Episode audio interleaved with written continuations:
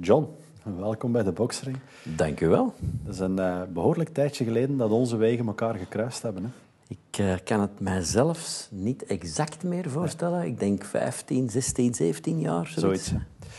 Um, toen was je actief bij Cisco Systems op dat moment. Wij waren samen in een onderzoeksproject. Betrokken ja. iets heel futuristisch. Ja. Uh, dat is mij vooral bijgebleven bij jou, de toekomst. je hebt een, een heel traject uh, afgelopen. Hè? Uh, ik denk dat je vlak na school bij Siemens begonnen bent. Klopt. Maar hoe is dat juist gegaan? Ja, um, je hebt dromen, je hebt idealen, je bent ingenieur. En uh, je, wilt, je wilt eigenlijk uh, ja, de wereld veranderen. En je wilt dat doen in een bedrijf waar je, waar je toch al van gehoord hebt. Waar je moeder en de bomma zouden gelukkig mee zijn. En dan kiest je voor een bedrijf wat, wat naam heeft, wat nog altijd naam heeft vandaag. Maar je wordt eigenlijk pas gevormd als je, nadat je van de universiteit komt. Je hebt wel studies en kennis, maar je hebt, de personaliteit moet er nog uitkomen. En die personaliteit die werd mij eigenlijk zeer snel duidelijk, van mijzelf. Ik, als je moet werken in een, in een, in een omgeving van, van waar andere mensen zitten en waar je ziet dat er bepaalde mensen politiek spelen en anderen niet, en anderen zijn heel hard met hun vak bezig en anderen meer met zichzelf, dan zie je ook jezelf daarin evolueren. En, en Siemens is een, is een fantastisch bedrijf, heeft een fantastische um, historie achter zich, maar ik was iemand die, die, die vooral iemand was die het niet fair vond dat mijn carrière al uitgestippeld was. En dat ik al wist, na tien jaar, dat ik daar zou staan. En ik zeg, ja, maar als ik dan daar sta, heb je dan voor iedereen zo'n plan? En, en hoe staat die mens die, die nu naast mij zit, hoe is die zijn lijn? En die leek dan hetzelfde te zijn. Ik zeg, ja, dat klopt niet, want ik, ik denk dat ik harder werk. Ik denk dat ik er meer voor wil doen. Kan ik daar ook meer van terugkrijgen? En, en, en ja, dat paste niet helemaal bij mijn, uh, bij mijn verhaal. En dan ben ik dus naar een, ja, een soort... Uh, ja, het, uh, dat zijn, Cisco is het, is bedrijf, 1995, ik weet het nog heel goed, is het bedrijf dat, dat, dat het internet aan het bouwen was. het internet was toen toch nog redelijk klein. Ik denk dat we nog niet kunnen spreken van, van, van heel veel e-business enzovoort. Nee. 95. maar ik was geïntrigeerd. Amerikaans, snel... Um, Um, heel, heel dichtbij innovatie die ik zelf al kon proeven, maar in mijn vorige job niet helemaal kon, um, kon, kon realiseren. En, en ik had nog nooit voor een Amerikaans bedrijf gewerkt. Hè. Ik, dus ik wist ook niet wat ik kreeg. Ik had al veel dingen gehoord en ik had ook wel gehoord van... Als je meer doet of als je harder werkt, kun je er ook meer voor terug van krijgen. Ja. En dat was mijn appeal om, om in een Amerikaans avontuur te stappen. Um, er waren nog niet veel medewerkers toen uh, nee. in, uh, in, Europa. Want je hebt, daar, je hebt daar een stevige weg afgelegd uiteindelijk. Hè? Goh, ja, omdat ik mij daar direct ook thuis voelde. Ik voelde mij daar ook direct... Um, je zag heel duidelijk dat mensen allemaal gedreven waren om, om van dat bedrijf een succes te maken.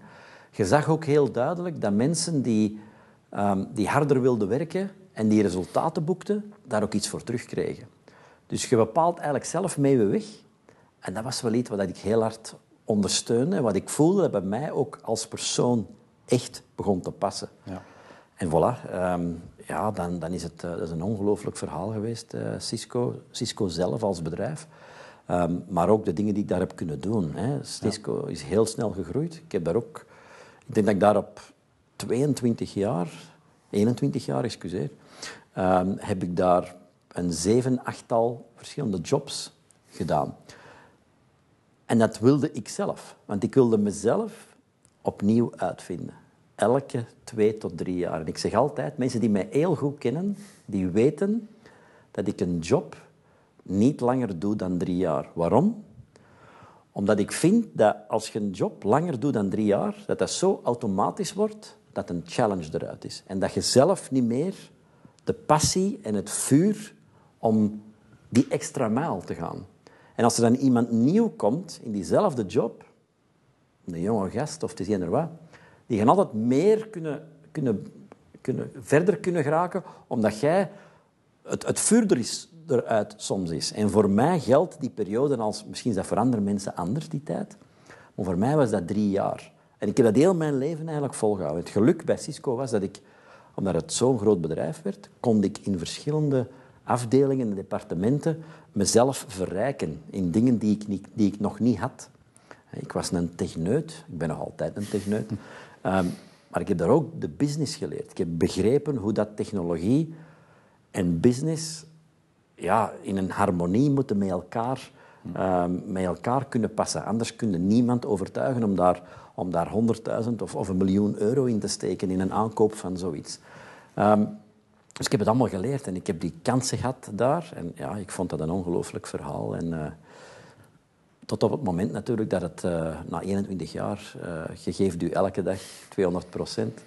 Um, ik, ik, had in, uh, ik heb in verschillende delen van, van de wereld gewoond. Ja, ik, heb, ik, heb, jaren niet in België gewoond, vandaar dat wij ook elkaar ja, een tijdje lang niet meer, een gezien, lang niet meer gezien hebben. Maar ik heb dus jaren daar gewoond en op andere plekken. En op een deur begint dat natuurlijk te knagen. Je, je wilt toch ietsje terug dichterbij. Je wilt, je wilt dus, oh, je, je wilt dus wat minder op een vliegtuig zitten. Er waren momenten in mijn leven dat ik tussen de 60 en de 70 procent van mijn tijd in een vliegtuig zat. En dat was niet omdat ik dat graag deed, maar dat was... Je moet iets graag doen natuurlijk, dus je doet dat wel graag. Maar je denkt elke keer dat je in die vlucht zit, potverdomme, wat is er met, met hem of met haar of met... Je hebt ook, je hebt ook uh, kinderen, je hebt familie en, en, je denkt daaraan. Die kunnen niet overal mee naartoe. En dat knaagt. Um, en dan denk je, waar kan ik nog iets doen uh, waar ik ook zin in heb, waar ik ook value in zie en waar ik mezelf kan verbeteren. Want dat is mijn enigste doel in het leven. Hoe kan ik mezelf beter maken en hoe kan ik de mensen die met mij werken ook beter maken? Dat is, dat is iets wat mijn motto is. Uh, en ik maak ze nog liefst beter dan ik zelf ben. Um, meestal heb ik dan niet genoeg tijd, want elke drie jaar verander ik, verander ik typisch toch van focus. Ze moeten zich haasten.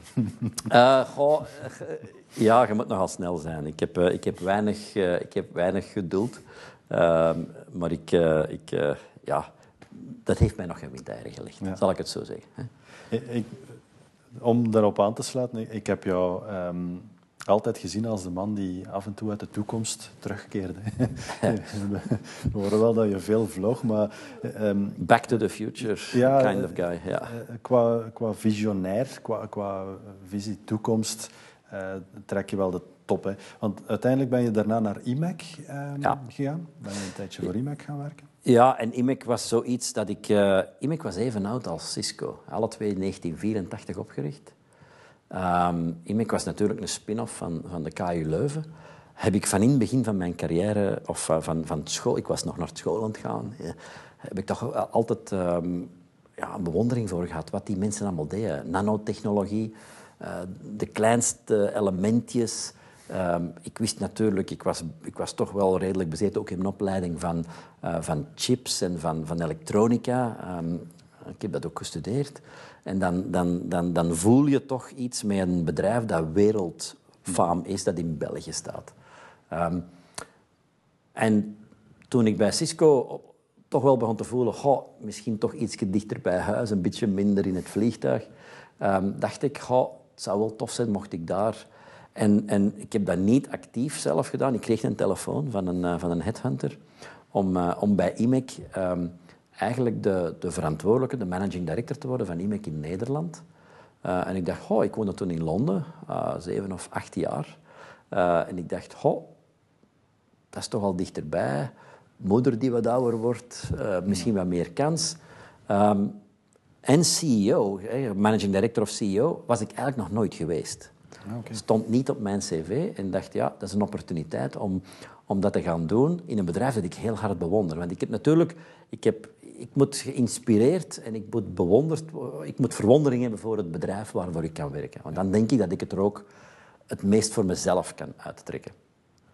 En ja, ik, ik was goed genoeg om, uh, om, te, mogen, om te mogen komen. En, en, uh, en ik heb dat ook gedaan, drie jaar. Nu, het enige waar ik niet bij stilgestaan heb, is dat ik was zo um, bij Cisco ge, geïndoctrineerd van het commerciële verhaal. Van, van, ja, Cisco is een, is, een, is, een, is een verhaal waar natuurlijk, hè, ik denk dat wij, toen ik begon, dat het een paar honderd miljoen euro omzet was. Toen ik wegging, was het 60 miljard in totaal. Mijn afdeling zelf, ik denk een, een miljard of zes. Dus dat was een, van nul gestart. Dus dat waren bedragen... Maar dat was ook omdat je elke keer iets wegzette. Je realiseerde iets. Mensen konden meer na dan voor. En bij IMEC zijn er ongelooflijk mooie innovaties. Ehm, maar ik zag soms het eindresultaat niet. Men werkt tot een prototype, men werkt tot de eerste tien. En dan werkt men met andere partijen die dat dan in hun technologie, in hun iPads, inbouwen. Ja. En je ziet het eindresultaat niet. En ik had het gevoel dat ik altijd het eindresultaat miste. Wat gebeurt er nu met die chip die je nou net hebben gebouwd? Wat gebeurt er nu met dat laatste nieuwe draadloos protocol dat mijn team heeft uitgevonden? Ja, ja. En ik bleef daar een beetje op mijn honger zitten. Doe dat van voldoening dan? Goh, ja. En natuurlijk, dat komt ook omdat... Ik probeer er... Ik probeer er je probeert dat een, een bepaalde plaats te geven. Hè? Ik denk als je wetenschapper bent en als jij degene bent die dat protocol heeft uitgevonden op een late avond of, of op weken te zwoegen, dan is het anders dan dat je de baas bent en die mensen aanstuurt. Ja. Ja. Ik denk dat dat het misschien was. Misschien stond ik er iets te ver vanaf. Um, maar ik heb uh, nog altijd ongelooflijk veel bewondering voor IMEC en wat ze doen. Maar ik voelde dat ik iets miste. En, en daarom heeft dat verhaal drie jaar geduurd. Dan kwam de roep naar Vlaanderen terug. Hè? Ja, ik was al wat dichter. Ik sprak al terug wat Nederlands. Allee, uh, ze spreken daar niet echt Nederlands, vind ik, in Holland. Of in, uh, in, in, Nederland. Ik moet zeggen Nederland, want ik, ik woonde in Eindhoven. Okay. En ik moet zeggen, mensen, Brabanders, zijn niet echt dezelfde mensen als de, Amsterdam, als de Amsterdammers. Dus ik, ik vond daar wel een relatie. Ik denk dat die mensen meer Belg waren. Of dat wij meer Nederlander waren enzovoort. Dat is iets het gebeurd. Moerdijk-verhaal. Daar is daar een paar jaar geleden is daar iets gebeurd. Hè. Um, maar ja, dan kwam Vlaanderen. En, en ik had ook af en toe het gevoel, en dat is vooral in mijn Cisco-periode, dat, dat ik niet genoeg terug gaf voor Vlaanderen. Vlaanderen heeft mij um, geholpen om te zijn wie ik ben. Hè. Ik heb daar mogen studeren. En wij mogen ongelooflijk, ongelooflijk gelukkig zijn in Vlaanderen. Dat, dat, dat heel veel dingen voor ons worden georganiseerd op een heel hoog niveau. Ja, we zagen daarover, we betalen daar belastingen voor en we klagen daarover. Maar, maar, maar uh, onderwijs, um, uh, gezondheidszorg enzovoort, dat is de top van de wereld. Um, en daar wil je ook iets terug doen. Want je ziet dan dat je... Ik heb in Korea gewoond, ik heb in Barcelona ik heb heel veel in Amerika gezeten. Ik heb New York voor een stuk meeslimmer uh, kunnen maken. Maar dan zie je, waarom kan dat niet in Vlaanderen? En dan heb je natuurlijk wel contact af en toe met, met, met mensen uit de politiek. en dan probeer je die wakker te maken. Um, en dan zie je ook wel dat dat iets langer duurt, maar ze zijn wel wakker. Uh, er gebeurt wel heel veel. En toen ik de, de vraag kreeg om, om CEO te worden van, van waar ik nu zit, hè, Rombit, ja. um, ja, dat is een kleiner bedrijf. Had ik ook eigenlijk... Ik had eens ene keer een start-up gedaan. Um, was niet de juiste keuze toen. Um, maar dit was als, als CEO een verhaal waarin ik in geloofde. IoT, een verhaal waar ik, waar ik ideeën had voor de toekomst. Hè. Ik heb er wel een paar af en toe. um, maar waar ik ook zag dat er iets kon gerealiseerd worden. En waar ik, waar ik denk van, ja, dat is een markt, waar, daar is een gat. Uh, daar kunnen wij als Vlaams bedrijf iets betekenen op een wereldwijde schaal. Um, daar moeten we iets mee doen. En daarom heb ik dat ook... Ik kwam terug naar Antwerpen. Hè. Ik woon nu terug in Antwerpen. Ik woon de eerste keer op wandelafstand van mijn werk. Ik heb dus nooit van mijn leven kunnen wandelen naar mijn werk. Vandaag kan ik dat wel. Als ik thuis buiten stap, kan ik op 12 minuten ja. uh, op mijn werk staan. Um, luxe moet toch een, een compleet andere dimensie zijn. Want uiteindelijk de bedrijven waar je voorheen zat, zijn, zijn gigantische machines ook. Hè. En, en, nu kom je eigenlijk in een start-up terecht. En, en, dan nog in welke periode? ja, ik, uh, ik had het iets anders voorgesteld. uh, ik ben gestart op 1 april, terwijl we op 13 maart allemaal thuis zaten. Hè? Ja. dat weet je nog wel. De lockdown. Nu, ik had één groot voordeel. Uh, dus ik wist dat ik remote moest starten. Ga daar maar eens aan staan. Hè. Je gaat voor een nieuw bedrijf, je, gaat, je wordt een baas en je moet iedereen, je kan niemand zien. Dus je moet op, op met technologie moet je, die, moet je dus proberen die, uh, die kloof te dichten. Ik heb het geluk gehad natuurlijk dat ik voor een, voor een multinational heb gewerkt, waar we niets anders deden. De meeste mensen die naar mij rapporteerden, die woonden nooit in dezelfde stad. Of die kwamen ook naar hetzelfde bureau waar ik zat. Dus ik was het eigenlijk gewoon. Voor mij was het een gewoon iets. Natuurlijk, je moet door de mensen doordringen. Je moet... Je moet en ik, ik, ik, ik, vind, uh, ik ben blij dat eindelijk veel meer mensen het licht hebben gezien en dat technologie en digitale technologie toch een beetje meer de weg heeft gevonden. Niet alleen naar mensen die nu wat meer thuis kunnen werken en hopelijk ook minder op de weg zitten tijd te verdoen. Um, maar ook waar ik toch nog wel vind dat er heel veel werk is, is, is het onderwijs. Um, en dat onderwijs, dat, um, dat, dat, dat kan eigenlijk nog veel meer van op afstand. Ja. En dat onderwijs van op afstand, dat heeft technologie nodig. Hmm. En die technologie, dat is iets dat ik denk dat nu door wat we allemaal meemaken in corona, eigenlijk een beetje meer omarmd wordt. Ja. De technologie is oké nu, denk ik. Ik denk dat nog al enkel de mensen, de, de, de, de leraars, de, de professoren, die zouden nu moeten een nieuwe vibe kunnen vinden om, om zich daar ook op in te smijten. Ja. Het, het, maakt niet uit of je nu hier staat of 10.000 kilometer verder. Als je je boodschap kunt overbrengen, als je passie kunt brengen in een verhaal, als je mensen kunt enthousiasmeren voor uw ding, als je out of the box denkt om dingen op een andere manier te brengen dan, dan, dan alleen maar op een bord te schrijven, ja. dan moet je creatief zijn.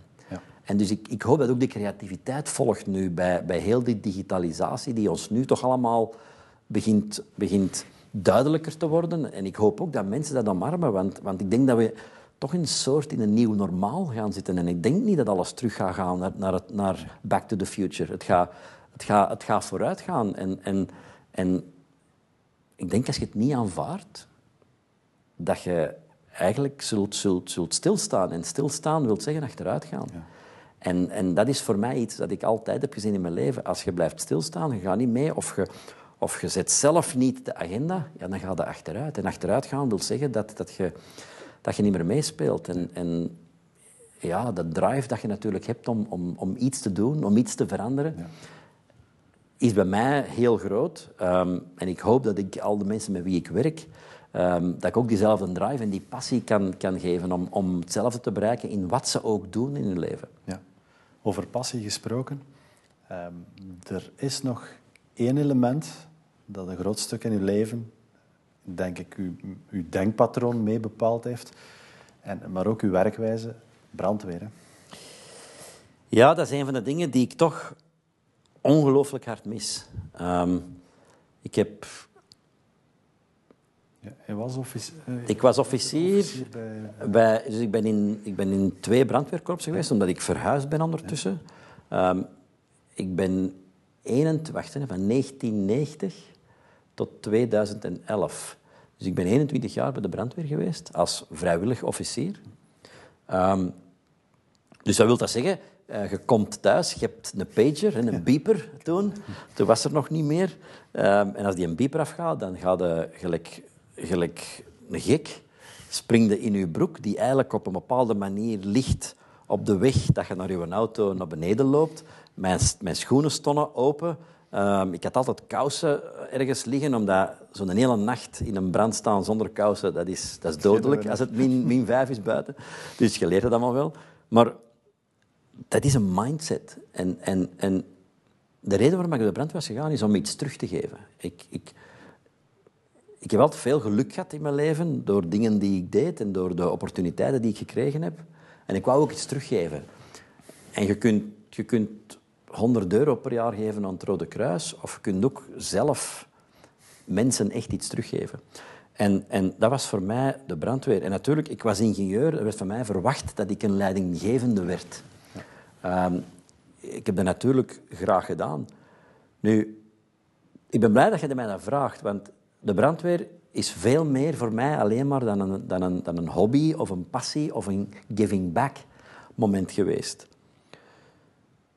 wat ik ongelooflijk bewonder in, in brandweermensen is de, de, de drive en de commitment en de discipline.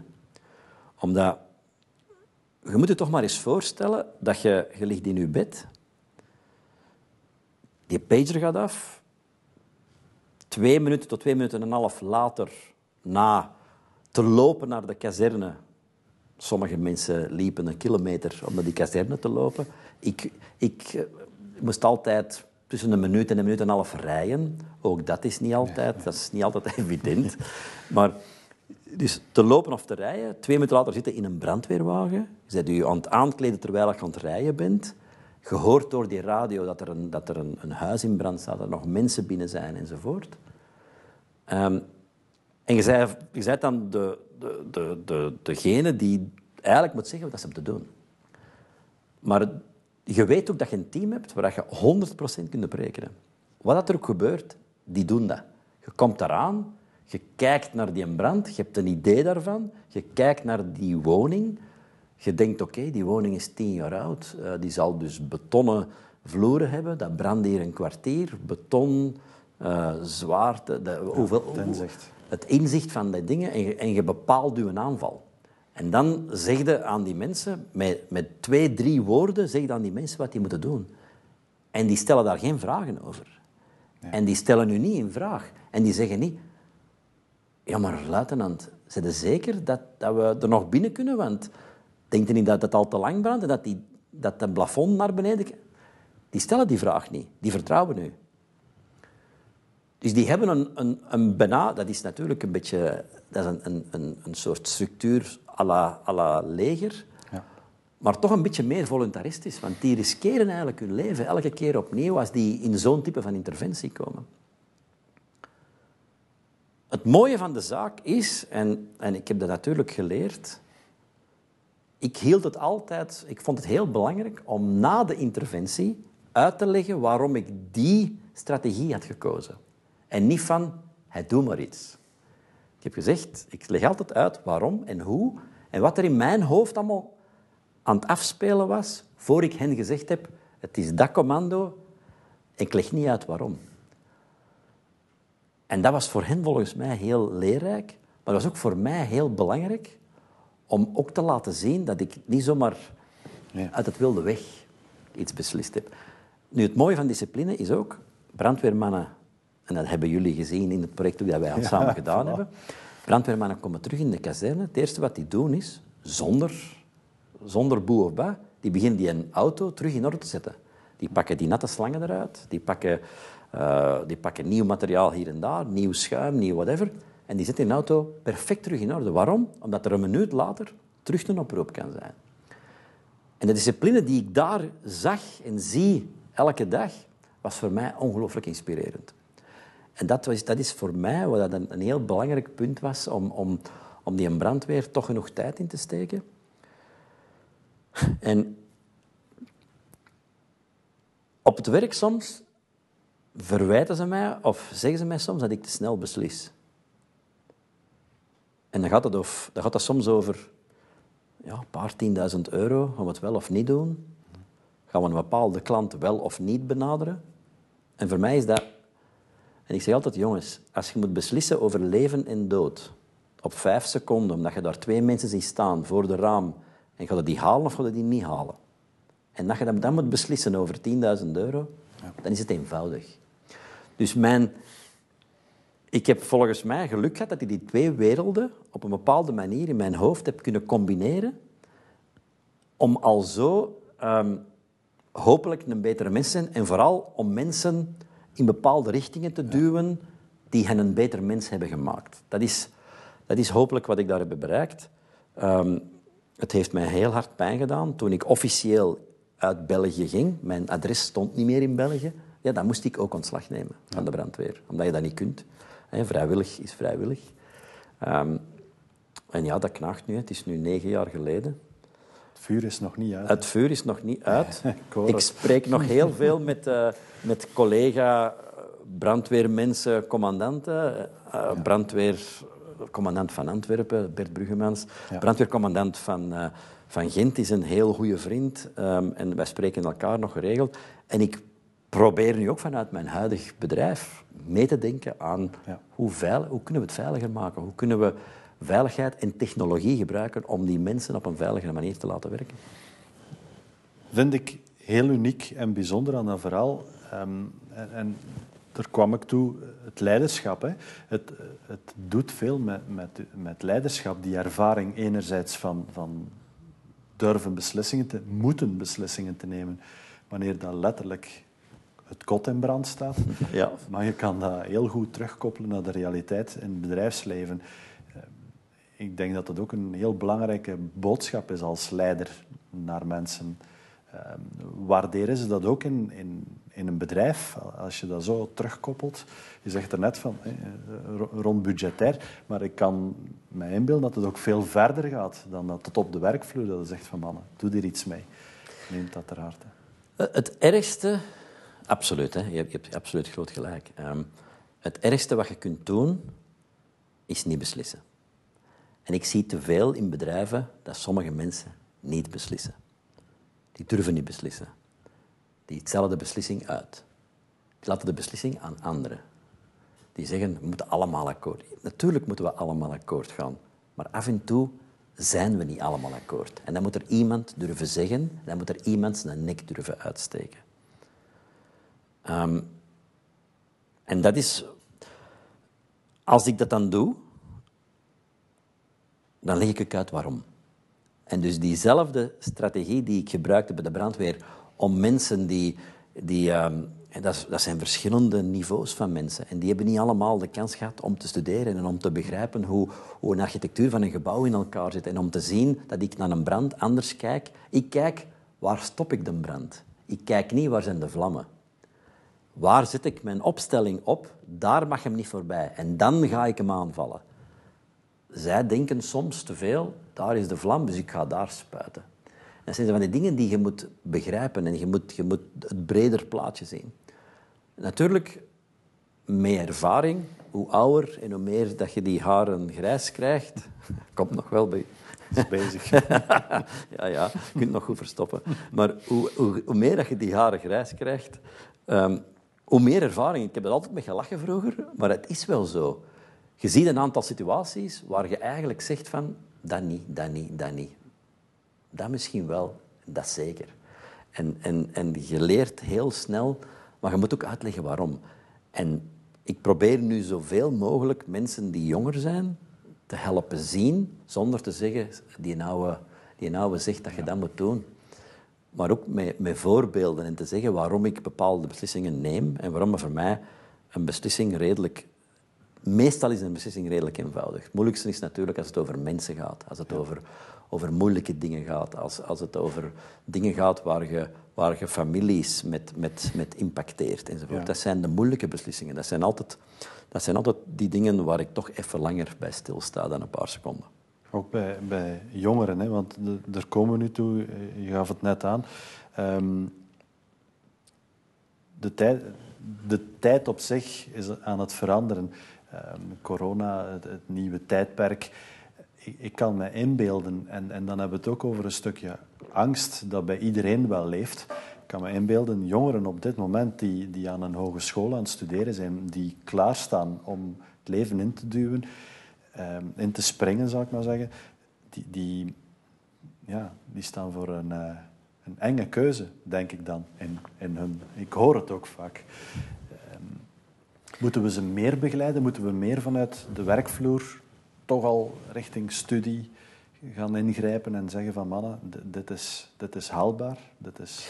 Ja, ik denk dat ze soms te, te, te, te eng inderdaad kijken.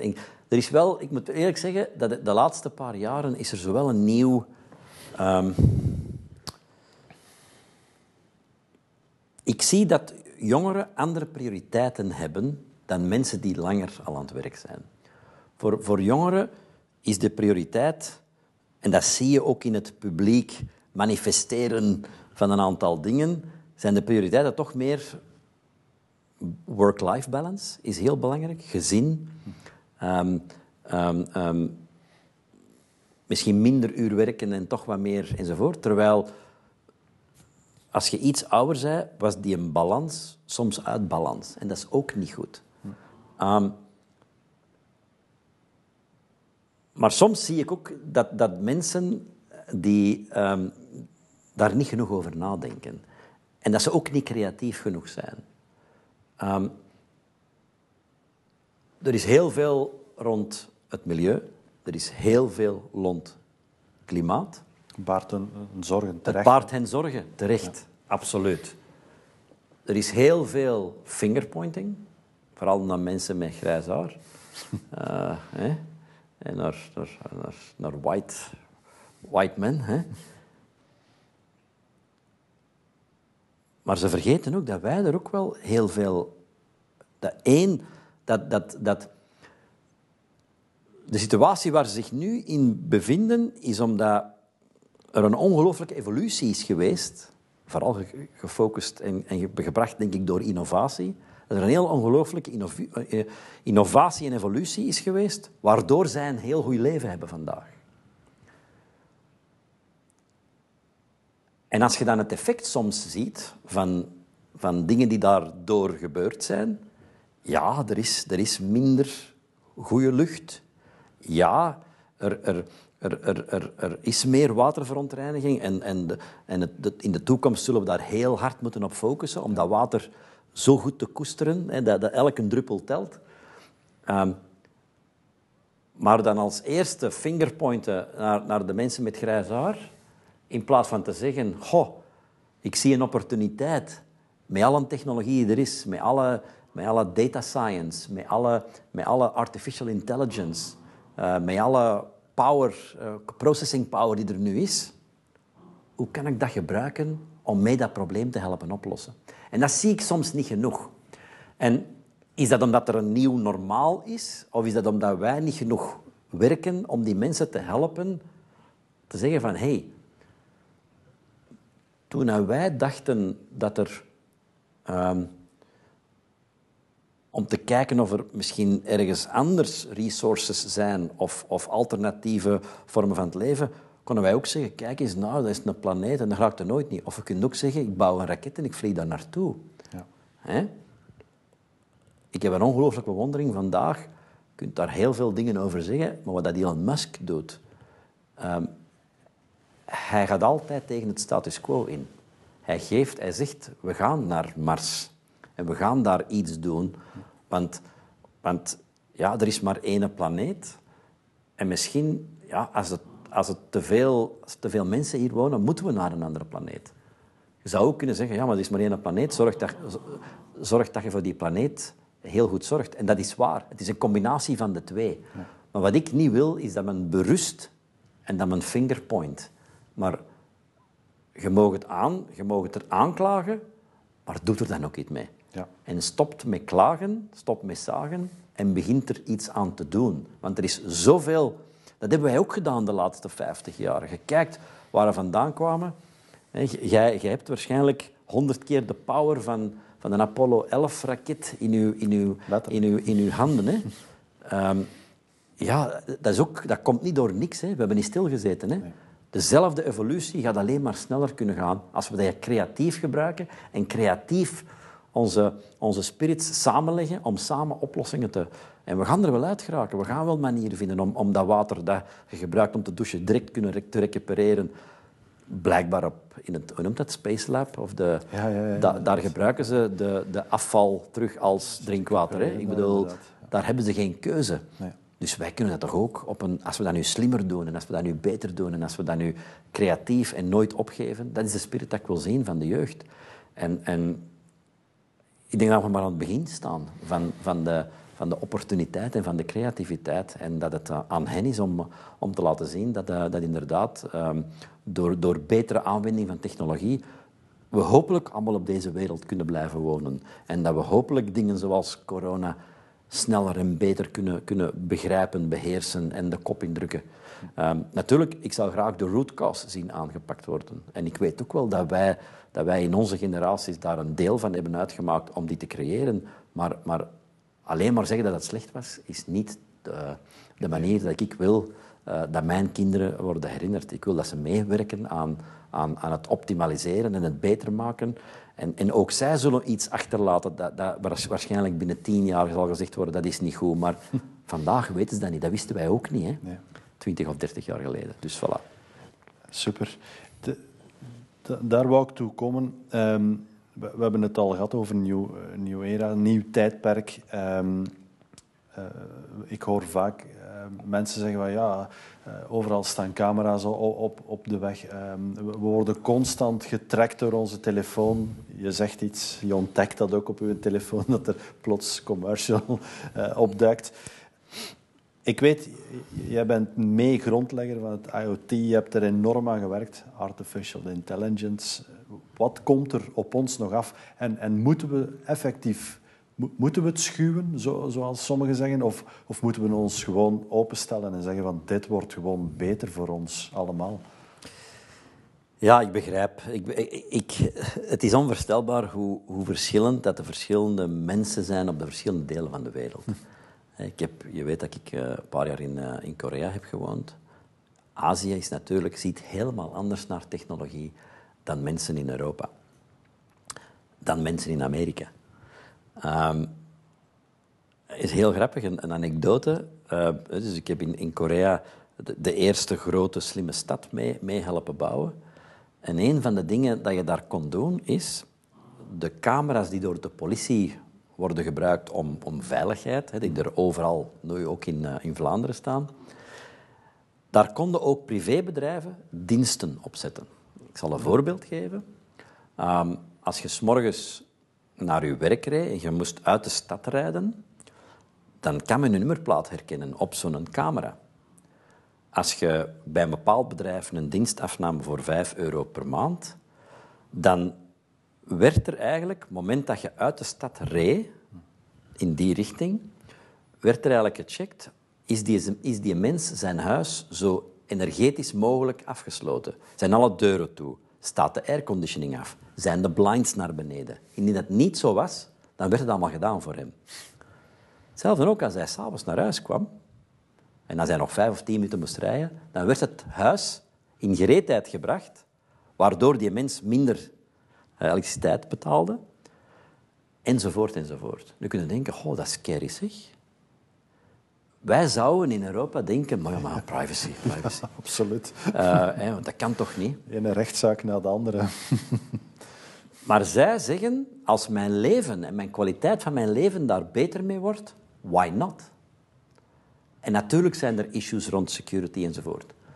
Um, by the way, die privacy, goh, geven we nu ook niet allemaal ons telefoonnummer en ons adres elke keer dat we nu een pint gaan drinken, blijkbaar? Ja. Um, en die mensen die privacy... Hè, privacy is natuurlijk heel belangrijk, maar die zitten ook hun foto's van hun vakantie op Facebook, zie ik dan. En dan denk ik, hmm, er, zijn toch, er zijn toch altijd twee maten en twee gewichten. Nu, uw vraag was, moeten we daar bang van hebben? Ik denk dat we moeten dingen designen met, met opties in mind. Mensen moeten altijd de keuze blijven hebben of zij wel of niet bepaalde dingen willen doen, willen ondergaan enzovoort. De technologieën moeten die keuzes um, aan de user, aan de gebruiker laten. Het mag niet opgedrongen worden. Ja, ik weet natuurlijk dat je vandaag, als je een pint gaat drinken, als je, als je dat niet invult, dan moet je niet binnen. Hè? Dat kun niet anders. Maar dat is eigenlijk niet juist. Eigenlijk moet je vanuit een technologisch uh, point of view, moeten eigenlijk de keuze hebben om dat wel of niet te doen. En dan denk ik dat we veel verder nog kunnen gaan. En dat we, dat we, niet, geen, we mogen geen schrik krijgen van de technologie om ons levenskwaliteit beter te gaan maken. Dat is toch heel veel van die dingen die we nu... En ik spreek niet over gadgets, maar ik spreek over heel veel goede technologieën. Die gaan onze kwaliteit van ons leven beter kunnen maken. Um, ik heb geluk gehad om bij, bij IMEC ook aan dingen te werken hè, die binnen vijf of tien jaar er hopelijk zullen komen. Dat zijn dingen die ons, die ons levensverwachting kunnen verhogen. En niet alleen fysiek door, door exoskeletons en door dingen aan ons lichaam te veranderen, maar ook onze geest te laten evolueren. En mensen met, met dementie enzovoort, hopelijk dat uit te kunnen stellen. En, daar, en, daar, daar, en dat is toch wel een belangrijke evolutie die ik, die ik absoluut uh, omarm. Dat, dat, ik, ik, ik heb geen schrik van te sterven, maar ik heb wel schrik van pijn te hebben voor ik moet sterven. Dus doe, het maar snel en dan is het oké. Um, in een boksring misschien. In een um, boksring? misschien in een Hier gaat het niet gebeuren. Hier gaat het niet gebeuren. Ik zie er soms wel sterven, hè, die van die boksers. Dat is toch wel... Ik moet eerlijk zeggen, de laatste paar kampen zijn toch wel... Ik heb onze Belgische... Onze trots uh, eh, vorige week ja. of zo nog gezien. En ik bedoel, het, het zijn toch wel... Um, ik wil dat we... We mogen nooit het, het gevoel creëren dat mensen bang moeten kan krijgen van technologie. Technologie is er om iets te enablen. Technologie is er om ons te helpen. Maar er moet ook een keuze zijn. Als we niet gelukkig zijn met de manier waarop die technologie in ons leven een ingang vindt, dan moeten we het kunnen afzetten. Dan moeten we het kunnen, en dan moeten we nog verder kunnen leven. Als je niet wilt je foto's delen van je vakantie, ja, dan zet dat niet op Facebook, zet dat niet op Instagram. Dat is oké. Dat is een keuze. Dat is een keuze. Je maakt een keuze, je hebt die keuze. Um, en zolang we dat doen, zolang dat we die keuzes op een slimme manier blijven incorporeren in innovaties naar de toekomst toe, denk ik dat dat oké is. En denk ik dat we af en toe eens wat minder moeten, moeten denken aan oei, oei, wat allemaal. Maakt dat mijn leven? Ik vond, die, ik vond die keuze van die mensen in Korea soms wel interessant. Omdat ik zei, ga, zij doen het om de juiste reden. Namelijk, hun levenskwaliteit wordt verhoogd. Hoeveel keren hebben wij al eens niet naar huis moeten bellen en zeggen, zeg, er staat een pot op het vuur. Dat zal bij hen nooit niet gebeuren, want dat wordt opgelost door technologie. Het jaar 2009 was dit, hè, by the way.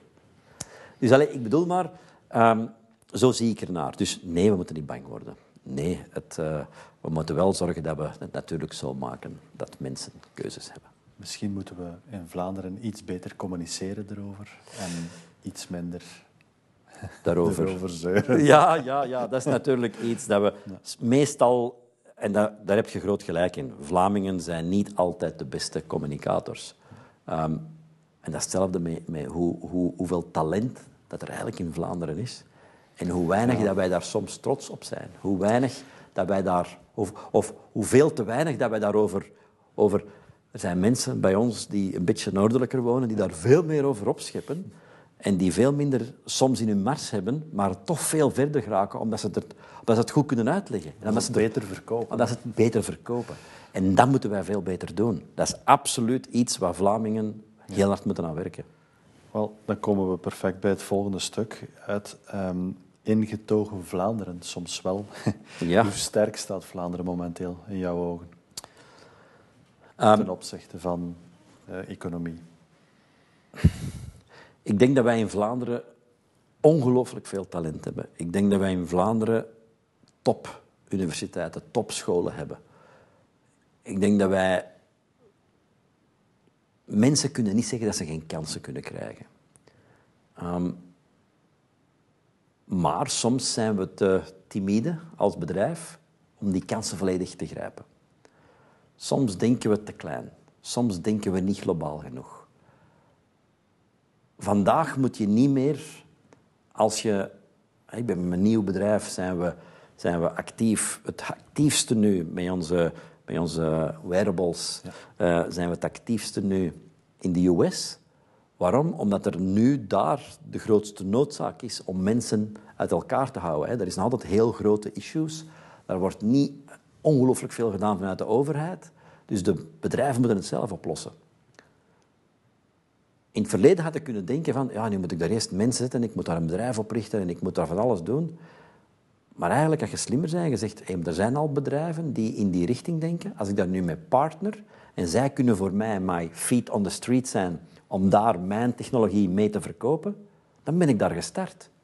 Dus je kan heel snel, door het internet, door de globalisering, kan je heel snel je reach.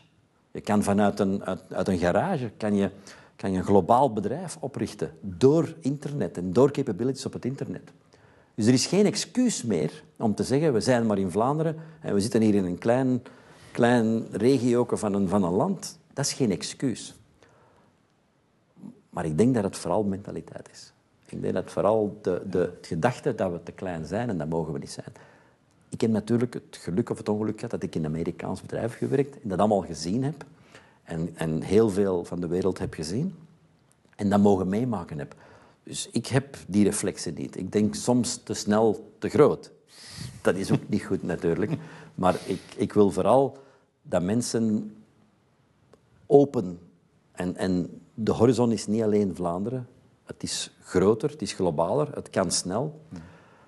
Soms willen we te veel eerst kunnen bewijzen in, in ons eigen land voordat we naar buiten gaan. Maar dan is de markt soms al weg, want dan komen er concurrenten en die nemen je markt in de andere landen weg. Hè. Ik, ik denk maar, wat je nu net zei, in, in, bijvoorbeeld in de States worden bedrijven echt overgelaten van hé hey mannen, los het op, op jullie manier op. Missen we dat op, op dit moment niet in Vlaanderen, dat er niet meer naar bedrijven geluisterd wordt en niet meer ondersteunend gezegd wordt van doe hier zelf iets aan. Het wordt nu geregeld vanuit een, een overheid. Toch hoor ik links en rechts bedrijven die zeggen ja, maar wij kunnen niet meer verder door die regels. Hadden we het misschien toch niet beter een groot stuk ook aan hun? Oh, dat is een goede vraag. Dat is een goede vraag. Ben ik liever nu in Vlaanderen of ben ik liever nu in Amerika? En als je die mij vraagt, die mij nu stelt in volle coronatijd, dan ben ik toch niet zo ongelukkig in Vlaanderen. Um, moet ik eerlijk zeggen. Maar um, ik denk dat er een andere balans en een betere balans zou kunnen komen. Ik moet ook wel zeggen dat er in Vlaanderen heel veel belangenorganisaties zijn, partijen die eigenlijk bedrijven met elkaar laten koppelen, laten netwerken, om dan als één stem naar de overheid te gaan. En dat vind ik een heel goede evolutie. Want daar zie je ook dat je gelijkgestemden vindt. Daar zie je ook dat je mensen hebt die, die sneller zijn dan anderen, waardoor anderen kunnen geïnspireerd worden om het ook te doen en om het beter te doen. Um, ik weet nog altijd niet goed of ik nu voor het communistisch of voor het, uh, voor het, meer, uh, voor het meer kapitalistisch model ben. Het zal er ergens tussen hangen en in het midden hangen. Um, maar ik weet één ding, dat we het nog niet zo slecht hebben in Vlaanderen. En dat het eigenlijk, um, en we kunnen wij kunnen af en toe daar heel veel over klagen en, en over, uh, over uh, niveaus van belastingen en noem maar op. Maar we krijgen er ook heel veel voor terug. Ja. Um, en dat mogen we niet ontkennen en dat moeten we ook erkennen. Misschien hebben we te veel ministers, misschien hebben we te veel regio's, misschien hebben we van alles iets te veel. Um, maar dat maakt ook dat we een heel bijna veilig, veilig leven hebben als we een beetje uitkijken wat we doen en als we mee willen werken enzovoort, dan komt het eigenlijk allemaal wel goed. Dus, dus nee, ik, ik ben, ik, als ik de vraag terug zou stellen, nee, ik ben toch gelukkig in Vlaanderen. En ik ben blij dat ik op dit moment van mijn leven hier ben en niet daar ben. Fantastisch. Nog een laatste ding. Uh, John, mocht je opnieuw kunnen beginnen, hm. zou je hetzelfde doen? Ik zou sneller zelf... Ik, ik heb waarschijnlijk te lang voor een bedrijf gewerkt. Ik heb daar alle kansen gekregen. Ik zou waarschijnlijk sneller zelf iets nieuw hebben geprobeerd.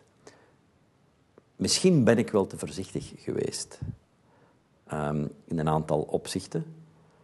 Um, niet in innovatie, niet in technologie-innovatie, maar misschien wel in, zou ik dat wel doen? Uh, ben ik goed genoeg om, om, om, om een bedrijf op te richten? Um, en daar bewonder ik wel een aantal mensen in, die, die, die absoluut die, die, die mindset en die spirit hebben van het moment dat ze nog op school zitten, van het moment dat ze... Ja. En die had ik... En komt dat door uw ouders? Komt dat door uw opvoeding? Komt dat door de dingen, de kansen die je hebt gehad? Komt dat door whatever? Um, ik had dat niet op mijn, op mijn 18 of 19 jaar. Uh, dat is daarna gekomen. Dus had ik het opnieuw kunnen doen, had ik waarschijnlijk sneller zelf de stap gezet om zelf iets te kunnen... Ik heb, ik heb genoeg dingen gedaan, hè. versta mij niet fout. Ik ben blij wat ik gedaan heb en ik, en ik ben er nog mee bezig. En, en we're just getting started. Maar ik, uh, ik had misschien vroeger willen, willen iets, iets maken, iets bouwen waar, waar ik echt um, iets, iets, iets mee, mee in beweging had gezet. Ehm, en dan kijk ik natuurlijk naar alle mensen die ik bewonder. Hè. Van, van, van, dat zijn Vlaamse bedrijven, dat zijn ook, dat ook Amerikaanse bedrijven, dat zijn Aziatische bedrijven die ik heel hard bewonder. En dat is vooral om, om, omdat die mensen een idee hadden en daar hebben voor gegaan. En nu, als ik iets, een idee heb, nu, nu ga ik er ook voor. En nu heb ik de kans om, om dat als CEO in een bedrijf... Dus ik, ik ben mijn ding aan het doen. Maar ik had het waarschijnlijk sneller moeten doen. Mocht je jongeren kunnen een advies geven, wat zou je dan doen? Buikgevoel of verstand? Ja, goeie. Hoe? Buikgevoel. Ehm, en waarschijnlijk, als ze, die keuze, als ze die keuze maken, dan is er genoeg verstand om dan toch het buikgevoel te, te nemen. En ik heb eigenlijk een heel simpel manier om erover na te denken. Je moet altijd groots denken en je moet klein starten. Think big, start small. En als je klein start, kun je dan ook maar klein falen en dan kun je opnieuw starten. En er is no shame om een keer te falen. Maar het mag niet heel veel geld kosten. Als je klein begint, dan faalt je en dan begint je opnieuw. En de mensen die één of twee keer gefaald zijn, die zullen er veel beter uitkomen dan mensen die nog nooit gefaald zijn en op een gegeven moment voor een probleem komen te staan waar ze nu zeggen, what now? Dus think big, start small, fail once, fail twice. En natuurlijk, ja, three times is a charm, maar in business hebben we waarschijnlijk niet altijd de keuze en de kans en krijg ook niet de opportuniteit om drie keer te falen. Dat is mijn, dat is wat ik zou zeggen tegen jonge mensen. Heb geen schrik. Nu, de, de, de barriers om, om iets te starten zijn ook veel kleiner. Hè? Hoe snel krijg je een bedrijf gestart vandaag? Heel snel. Ja. Je hebt niet veel kapitaal nodig. Uh, je kunt het vanuit een garage doen. Um, ja, ik, ik, ik, uh... Dat is heel belangrijk, hè, dat ze dat nu ook inzien. Dat, voilà. dat, dat er veel meer ondersteuning is. Exact. Dat was 30 of 40 jaar geleden was dat, niet zo. Dat was, dat was heel moeilijk. Um, maar natuurlijk heb je een entrepreneurial spirit. En was dat in andere landen wel zo. In Amerika was het altijd heel gemakkelijk om een bedrijf te incorporeren. Um, nu is het al veel beter. Nu zitten we ook in een manier hier in, in Vlaanderen ja. dat je heel snel kunt, kunt iets organiseren, waardoor je sneller gestart bent, waardoor je geen kapitalen moet hebben om, om een idee te realiseren. John, man uit de toekomst. Tot slot, hoe zie jij je eigen toekomst? Uh, zeer rooskleurig. Uh, zeer opportunistisch. Ik heb, ik, heb, ik heb waarschijnlijk nu de juiste oh, bagage, ervaring, rugzak, om een aantal juiste keuzes te kunnen maken van bij de start. Dus ik heb daarnet wel gezegd, fail once, fail twice. Wel, waarschijnlijk ga ik iets minder, minder moeten falen om de juiste richting te kiezen. En vanuit die mindset heb ik nog heel veel dromen. En ik ben ervan overtuigd dat we nog in een tijdperk komen waar, waar, waar we een evolutie gaan zien die we nooit hadden durven dromen. En ik hoop daar nog lang deel van te kunnen uitmaken en nog lang mijn stempel te mogen opdrukken. Um, ik hoop dat ik ook iets kan achterlaten in Vlaanderen, waar, waar, waar, waar, we, waar we fier en trots mogen op zijn. Maar ik sluit niet uit dat het alleen maar in Vlaanderen zal eindigen. Misschien ligt mijn toekomst nog wel ergens anders. Um, ja, het is toch wel... Af en toe knaagt dat toch ook wel. Dat ik hier... Ik woon hier nog maar twee of drie jaar terug, eigenlijk, in Vlaanderen. 2018. Um, ehm, ik zie mij hier niet eindigen. Het kribbelt nog altijd om uh, de vleugels nog eens uit te slaan. Het kribbelt nog. En we zullen zien hoe lang nog. Maar zolang als het kribbelt, is het goed. Hè? Ik hoop vooral dat we elkaar hier nog wel eens gaan treffen. Uh, ik hoop het ook. Een heel fantastische setting. Uh, heel inspirerend. Um, en ik, uh, ja, ik, ik, ik, deel graag mee wat ik, wat ik goed en wat ik niet zo goed doe. Super. Om anderen te kunnen gaan inspireren. John, van harte bedankt. Dank je wel. The Box Ring. Big on small talks.